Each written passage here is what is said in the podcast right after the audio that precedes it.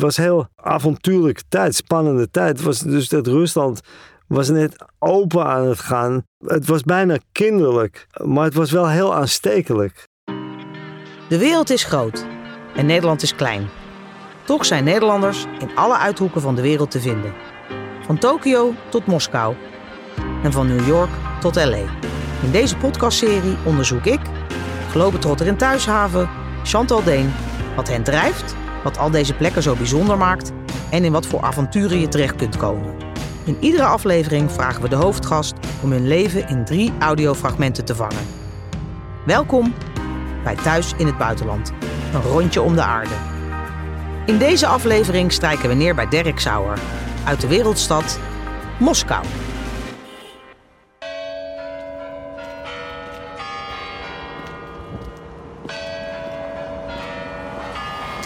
De klokken van het Kremlin.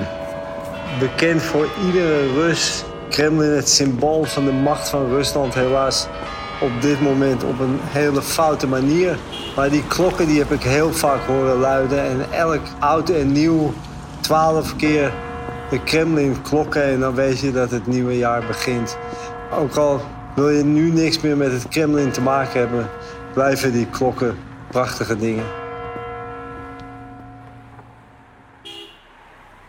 Hoi Dirk, fijn dat je bij ons in de podcast wil komen. Ik wil eigenlijk beginnen bij jouw jeugd. Hoe zag jouw, jouw jeugd eruit? Jaren 50, Amsterdam, ik ben 52 geboren. Mijn wieg stond de eerste maanden in de Stalinstraat. Dat is nu de Vrijheidslaan in Amsterdam. Dus ja, hoe symbolisch kan het allemaal zijn? Hoe krijg je het voor elkaar, zou ik bijna zeggen? Ik heb een supergelukkige jeugd gehad. Amsterdam-Oost, Watergasmeer, vlakbij het Ajax-stadion. Zeer idyllische plek. Toen zijn mijn ouders op een goed moment uh, verhuisd naar Amstelveen. Dat was aan het eind van mijn uh, lagere schooltijd. Dus uh, de middelbare school in Amstelveen. Ik ben nog een ouderwetse HBS-B-klant. Ben je daarna nog verder vervolgopleiding gedaan of ben je gaan werken? Nee, want ik hoorde echt tot die protestgeneratie. En linkse mensen vonden dat als intellectueel, ja, ik was helemaal geen intellectueel, maar als je van de HBS afkwam, dat je in een fabriek moest gaan werken om te weten hoe de arbeidersklasse leefde. Toevallig, we zitten hier op het NSM-terrein. Mhm. Uh, ik uh, ben toen uh, onder andere, ik heb een paar aantal dingen gedaan, maar onder andere heb ik een tijdje bij de NSM gewerkt. Oh, echt? in de fabriek en daarna bij de kauwgomfabriek, de Maple Leaf. Ik heb no nooit gestudeerd. Maar jij weet wel wat het is, hoe mensen aan de lopende band aan het werk waren. Ja, ja dat was eigenlijk het idee. Dat je als iemand die wat hogere schoolopleiding had gevolgd, je leerde en besefte hoe de, de gewone man aan zijn inkomen kwam. En hoe heb je dat toen ervaren? Al dat je heel vroeg moest opstaan. Ik was uh, 18 jaar, 17 jaar, 18 jaar. Het heeft ook maar een jaar geduurd of zo, alles bij elkaar. Dus niet dat dat nou de rest van mijn leven heeft bepaald. Maar het was eigenlijk heel nuttig. Wat heb je daarna gedaan? Nou, daarna, want ik schreef al stukjes. Ik was natuurlijk eerst redacteur van de schoolkrant. En ik uh, schreef ook stukjes voor allerlei linkse blaadjes, want ik kom helemaal uit de linkse hoek. Het liefste wou ik eigenlijk oorlogsverslaggever worden. Ik had natuurlijk geen geld, dus ik dacht, waar is de dichtstbijzijnde oorlog? En dat was op dat moment in Noord-Ierland. Noord-Ierland is hier vlakbij. En ik was toen 18, dus heel jong nog. En toen dacht ik, weet je wat, ik pak mijn boeltje. En toen heb ik gewoon een ticket naar, naar Dublin gekocht. En vandaar de trein genomen naar Belfast. Via via terechtgekomen in zo'n wijk waar die oorlog plaatsvond. Mm -hmm. En toen heb ik gewoon de Groene Amsterdammer gebeld en de VPRO. En uh, van jongens, ik ben hier, uh, kan ik wat voor jullie doen? Wauw. Ja. Hapten ze gelijk? Ja, eigenlijk wel. Eigenlijk wel. Dat komt ook een beetje omdat ik als scholier heb ik al een televisieprogramma gemaakt voor de VPRO. Oh, echt? Ja, was ik presentator van een jongerenprogramma op de televisie. Mm -hmm. Dus ik had al wat contacten. En in die tijd had je nog maar één zender. Nederland 1, dat was alles. En als je op Nederland 1 verscheen, nou dat was heel wat in Nederland. Toen keken nog heel veel mensen naar de, naar de televisie. Ja, Konden maar naar één zender. Precies. Eigenlijk kende ik al mensen en mensen kenden mij. Ja, dat is eigenlijk heel toevallig allemaal zo gegaan. Heel veel in het leven gaat gewoon toevallig. Ik woonde in het huis van de lokale commandant van de IRA. Hoe kom je daar dan zo verzeild? Ik was heel erg onder de indruk van Bernadette Devlin. Een beetje de Nelson Mandela van, van Noord-Ierland. En die had een kantoor en ik ben gewoon naar dat kantoor gegaan. Ik zeg, hallo, hier is Dirk, ik kom uit Holland. Kan ik jullie helpen? Ja. By the way, hebben jullie toevallig eh, een adres waar ik een kamer kan huren? Mhm. En die gaven mij een adres.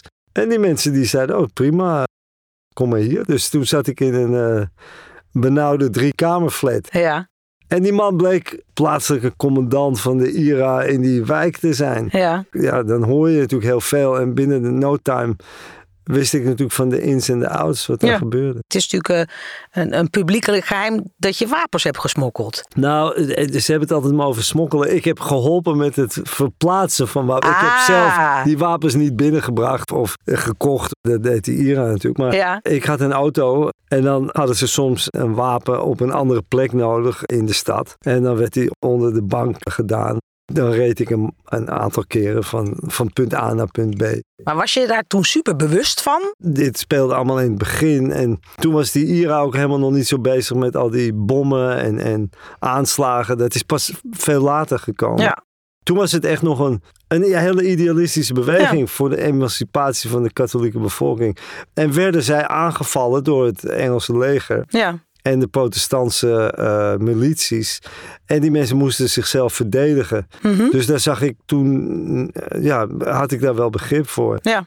Kijk, toen zij eenmaal bommen gingen leggen in restaurants en cafés, waarbij vrouwen en kinderen om het leven kwamen, moest ik daar natuurlijk niks meer van hebben. Nee, nee, snap ik. Hoe lang ben je daar geweest? Twee jaar. En wat heeft je doen besluiten van nou, nu is het mooi geweest? Nou, omdat het steeds gewelddadiger werd daar. En bovendien, die IRA kreeg onderling allemaal ruzies. Die had allemaal verschillende fracties en die begonnen op elkaar te schieten. Dat was de eerste confrontatie voor mij dat heel veel bewegingen beginnen heel idealistisch.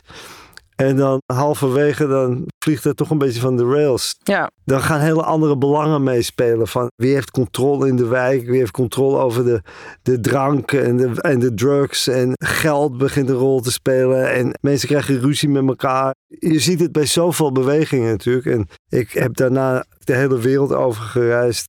En dan heb ik heel veel mensen geïnterviewd. Mugabe, Noriega en noem allemaal maar op. Mensen die daarna zich ontwikkelden tot de meest verschrikkelijke dictators ja. waarvan je toen dacht dat zijn vrijheidsstrijders. Ja. Dus, en in Ierland heb ik dat fenomeen eigenlijk al heel jong voor het eerst van nabij gezien. Wat volgde er eigenlijk na het Ierland-hoofdstuk? Hè, Je geeft aan van je bent de wereld rond gaan reizen. Nou, eerst ben ik nog teruggekomen naar Nederland en toen heb ik ook weer een jaar of twee gewerkt voor de vakbond van de soldaten. Vroeger Ja. hadden we natuurlijk dienstplicht. Zeker. En Nederland was eigenlijk het enige land in de wereld met een vakbond voor soldaten. We hebben bereikt dat iedereen mocht zijn haar laten groeien. De haarplicht, hè. Ja, En het afschaffen van de groetplicht. En dat je niet 's ochtends om eh, 7 uur op appel hoefde te verschijnen. Nou ja, die vakbond was wereldberoemd. Omdat natuurlijk uit de hele wereld kwamen journalisten. Want dit was natuurlijk een ongelooflijk interessant en grappig verhaal. Eh, dat een NATO-land een vakbond had Ja. van soldaten die ook nog eens heel veel te vertellen hadden. juist. We stonden op de voorpagina van de New York Times. En we werden heel serieus genomen. Wat ben je daarna gaan doen? En toen ben ik slaggever geworden. Eigenlijk voor zowel televisie als Nieuwe Revue Mhm. veel documentaires gemaakt en reportages voor de Nieuwe Revue. Ja. Daarna ben ik hoofddirecteur geworden van de Nieuwe Revue. Mhm. Maar goed, na acht jaar dacht ik van ja, het wordt toch wel tijd weer voor iets anders. Inmiddels was ik getrouwd en hadden we onze eerste zoon. En heel toevallig kwamen er wat Russische journalisten naar Amsterdam. En die mensen die zeiden, ah, je moet naar eh, Moskou komen, dan kunnen we iets beginnen en dit en dat. En ik dacht, nou, het is eigenlijk wel een heel interessant idee. Want ja, het is spannend, het is avontuurlijk. Het is geen oorlog. Ik kan mijn vrouw en mijn kind meenemen. Was jouw vrouw ook gelijk van ja joh, doen we? Gaan we naartoe? Nou, niet gelijk. Ik belde op, god, we gaan naar het buitenland. En toen was het even stil. Toen zei ze, waar? Ik zei, Moskou. Toen was het langer stil. En toen zei ze, kan het niet Washington zijn? ik zei, nee, nee, het wordt eh, Moskou. Maar uiteindelijk is ze meegegaan en daar heeft ze nooit een minuut spijt van gehad. De Russische natuur. Of het nou het geruis van de bomen is, van de bergen die tienduizenden kilometers zich uitstrekken over Rusland. Of het geruis van de rivieren, de brede rivieren die door Rusland trekken. Of het geluid van de sneeuw in de winter. De Russische natuur is iets heel bijzonders, omdat het zo ongelooflijk uitgestrekt is. Rusland, het grootste land van de wereld. Het enige grote land waar de natuur nog in opmars is, omdat de dorpen leegstromen en iedereen naar de stad gaat. Die natuur heb ik altijd enorm lief gehad. Het was heel avontuurlijke tijd, spannende tijd. Het was dus dat Rusland was net open aan het gaan. En die mensen die hadden een soort naïef optimisme. Van nu wordt alles beter en nu mogen we zeggen wat we willen. En nu gaan we ook allemaal rijk worden. En het was bijna kinderlijk. Uh, maar het was wel heel aanstekelijk. Ja. Om daarbij te zijn, om bij die ontwikkelingen te zijn, dat is. Uh, ja, dat vonden we alle twee eigenlijk heel spannend. Jullie zijn in 89 zijn jullie daar naartoe gegaan. Dus die zitten echt in die, die nou ja, eigenlijk de hervorming van Rusland. Wat trof je aan toen je daar kwam? Allereerst donker. Ja. Er was geen licht. Er waren geen etalages. Er waren geen merken. De bakker had een teken bakker. De supermarkt had een teken supermarkt. Er was nog geen Albert Heijn of Prada of Gucci of uh, Ikea. Of, uh, dat was er allemaal niet. Nee. Dus er was geen licht en alle winkels waren leeg. Dat is ook een raar idee eigenlijk als je uit een land komt met veel rijkdom. Hoe, hoe deal je daar dan mee als westerling? Nou, kijk, het voelde natuurlijk voor ons eigenlijk als een soort kamperen, weet je wel. Ja. Dat is gewoon avontuurlijk. Kijk, we kwamen uit een mooi huis. We woonden in de PC Hoofdstraat. We hadden het dik voor elkaar. En daar kwamen we op een heel klein flatje ergens eh, elf hoog langs een snelweg. Ja. Maar het had ook iets knus, iets avontuurlijks. Een beetje primitief. Ja. Er waren geen luiers. Er was geen melk voor de baby. We moesten dingen importeren, meenemen. Alles was gedoe. Alles was ingewikkeld. Heel veel mensen ergerden zich daar heel erg aan. Hè, Dat Mhm. het allemaal zo slecht geregeld was. Maar je kon het ook zien als een soort quiz. Die je voortdurend moest oplossen. Ja. Elke dag een nieuw probleem om op te lossen. En als je daar een beetje lol in kreeg. Dan had het ook wel iets leuks. Hoe is dat voor die mensen daar? Wat je natuurlijk moet realiseren is dat het grootste land van de wereld stort eigenlijk van de ene dag op de andere in elkaar. De economie was helemaal vastgelopen. Mhm. Niets functioneerde meer. Als een land zo snel overschakelt van het ene systeem, een communistisch systeem, waarbij iedereen min of meer baan had en min of meer werk had. Je werd wel niet veel betaald, maar je kreeg tenminste iets betaald. Naar een kapitalistisch systeem waar het ieder voor zich was, dan heb je natuurlijk winnaars en verliezers. De winnaars waren natuurlijk vooral jonge mensen die de flexibiliteit en de energie en de mogelijkheid hadden om bestaande bedrijven te kopen en te hervormen of nieuwe bedrijfjes te starten. Maar de meeste mensen, veruit de grootste meerderheid, die hadden natuurlijk die mogelijkheden niet. Nee. En die bleven achter. En ja, dat heeft geleid tot een, eh, tot een diepe, diepe crisis. Als je door de stad liep, stonden mensen echt letterlijk met één t-shirtje bij de metro om die te verkopen. Mhm. Of één sigaret. Je kon gewoon één sigaret kopen. Dat heeft natuurlijk een enorme wissel getrokken op de psyche van de Russen. Daar maakt Poetin nog steeds gebruik van. Die angst voor de chaos van de jaren negentig zit er ongelooflijk diep in. Dat is ook begrijpelijk. Aan de andere kant, het had ook moeilijk anders gekund. Dat systeem viel niet meer te hervormen. Het was gewoon verrot Ja. eh, tot aan de wortel. Het is zo'n historisch moment waarvan je ziet dat dingen helemaal fout lopen, maar eigenlijk niemand weet hoe het dan anders had gemoeten. De beleidsmakers van die tijd, en dat waren vaak jonge economen en, en echt hele slimme mensen, die het geprobeerd hebben, maar ja, uiteindelijk corrupte types trekken altijd aan het langste eind. Ook hier. Ja. En dat is daar op grote schaal gebeurd. ja. Hoe deal je daarmee? Nou ja, dat is gewoon pijnlijk als je het ziet natuurlijk. Maar tegelijkertijd zaten wij natuurlijk in de categorie mensen die nieuwe bedrijfjes starten, die enorm veel succes hadden. Ja. Ja, wij zaten aan de goede kant van de streep. Wij, wij konden ondernemen, wij konden gewoon nieuwe dingen starten. En vrienden om ons heen, de meeste Russische vrienden die wij hadden, waren natuurlijk dat soort mensen. Ja. Een vriend begon een restaurant, is nu de grootste restaurateur van Rusland. En heeft in Londen en god maar weten waar allemaal restaurants. Mhm. Die man is schat helemaal rijk geworden. Ja. Maar ja, in die tijd, toen wij begonnen, had hij ook één restaurantje. En iemand anders begon een computerbedrijfje. Die groeide ook uit tot een van de grootste techmensen in Rusland. Multimiljardair geworden. Die tijd had zoveel gezichten. Ja. En sommige heel naar. Maar anderen ook weer heel opwindend. Hielp het dat je een Nederlands ondernemer was?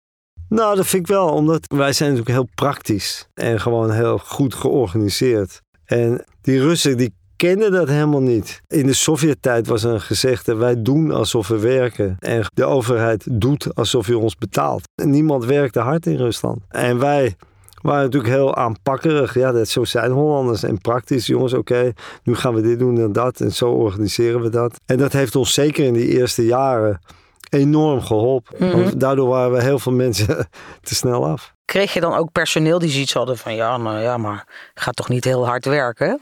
Nou, het was wel aanstekelijk toen ze merkten dat dat werkte. Vooral dat wij mensen verantwoordelijkheid gaven. Dat was iets heel nieuws.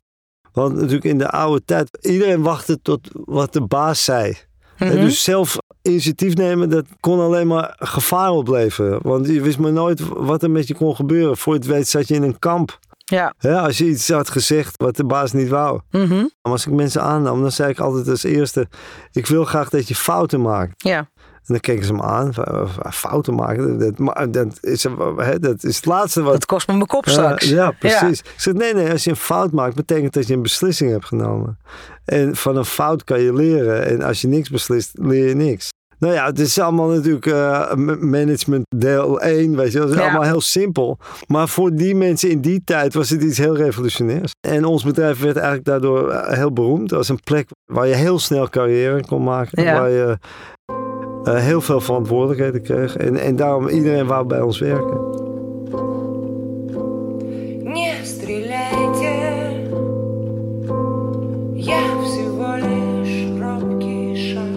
Fragment nummer 3.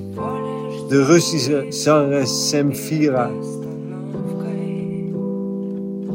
Zoals zoveel artiesten en kunstenaars heeft zij zich uitgesproken tegen de oorlog, is uit haar eigen land weggegaan en gaf onlangs een prachtig concert in Londen, een anti-oorlogsconcert, waarin ze nogmaals zei dat wat er in, in Oekraïne gebeurt vreselijk is en dat vrede en overgave van de Russen de enige mogelijkheid is.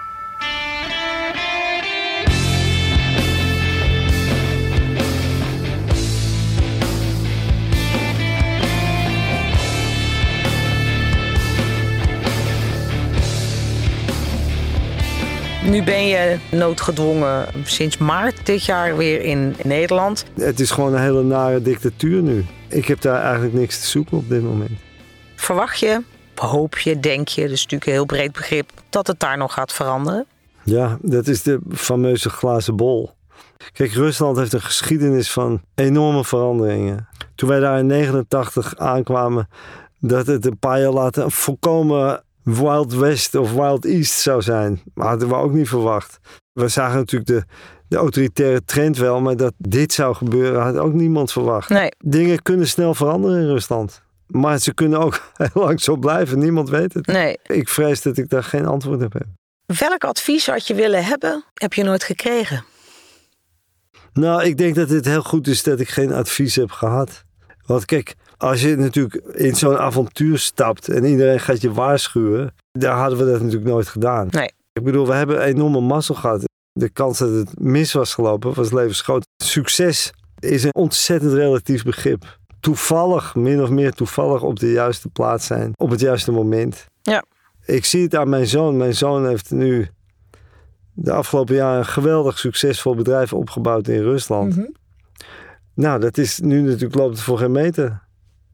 En dat is niet omdat hij eh, nu ineens een slechte ondernemer is geworden, maar gewoon omdat de omstandigheden buiten hem om zo zijn geworden zoals ze nu zijn, namelijk een oorlog. En natuurlijk moet je dan ook nog wel dat doen, maar zonder de wind mee had ik hier ook niet gezeten. Nee. Voordat we gaan afsluiten, wanneer dacht jij daar, "Goh, ik ben blij dat ik verzekerd ben? Een van de dingen die natuurlijk ons al heel snel duidelijk werd, is dat die gezondheidszorg daar natuurlijk volkomen anders in elkaar zit. Officieel is er een algemene gezondheidszorg, hè, dus iedereen kan naar het ziekenhuis. Maar zoals zoveel dingen in Rusland zit de werkelijkheid natuurlijk een stuk ingewikkelder in elkaar. En als je niet apart de dokter betaalde, kon je het wel schudden. Ja. De artsen die verdienen zo weinig. Mijn schoondochter is arts, die is notabene specialist. En die verdient 300 dollar in de maand. Om een enigszins normaal leven te leiden, moeten die mensen wel aan hun patiënten om geld vragen. Ja. Dus je krijgt een enorm willekeurig systeem. Dus mensen die ziek waren, die moesten of zelf medicijnen meenemen, of kwamen ergens op een gang te liggen. Met als gevolg dat je natuurlijk privéklinieken krijgt. En als je dus een beetje de financiële mogelijkheden hebt of een goede verzekering hebt, dan kan je wel behandeld worden in zo'n privékliniek. Een Ja. beetje op een Europees niveau. Zelfs dat is altijd nog wel een issue. Ja. Ik ben zelf een keer gevallen, want ik ben een fietser. En ik ben een keer door een auto aangereden. Ik was ook buiten bewustzijn en toen kwam ik in zo'n lokaal ziekenhuis terecht. Maar gelukkig wist Ellen, mijn vrouw, me te vinden. En ze wouden daar al van alles met me gaan doen. Ja. Die heeft me daar ogenblikkelijk weggehaald. Ja. En toen naar een, een goed ziekenhuis gebracht. En dan lag je ook een prachtige kamer en alles perfect geregeld. Ja, en daar was ik godzijdank voor verzekerd. Ja. Dan wil ik jou heel hartelijk danken voor je tijd en ook voor je verhalen. En het eh, ga je meer dan goed. Dankjewel. Dankjewel.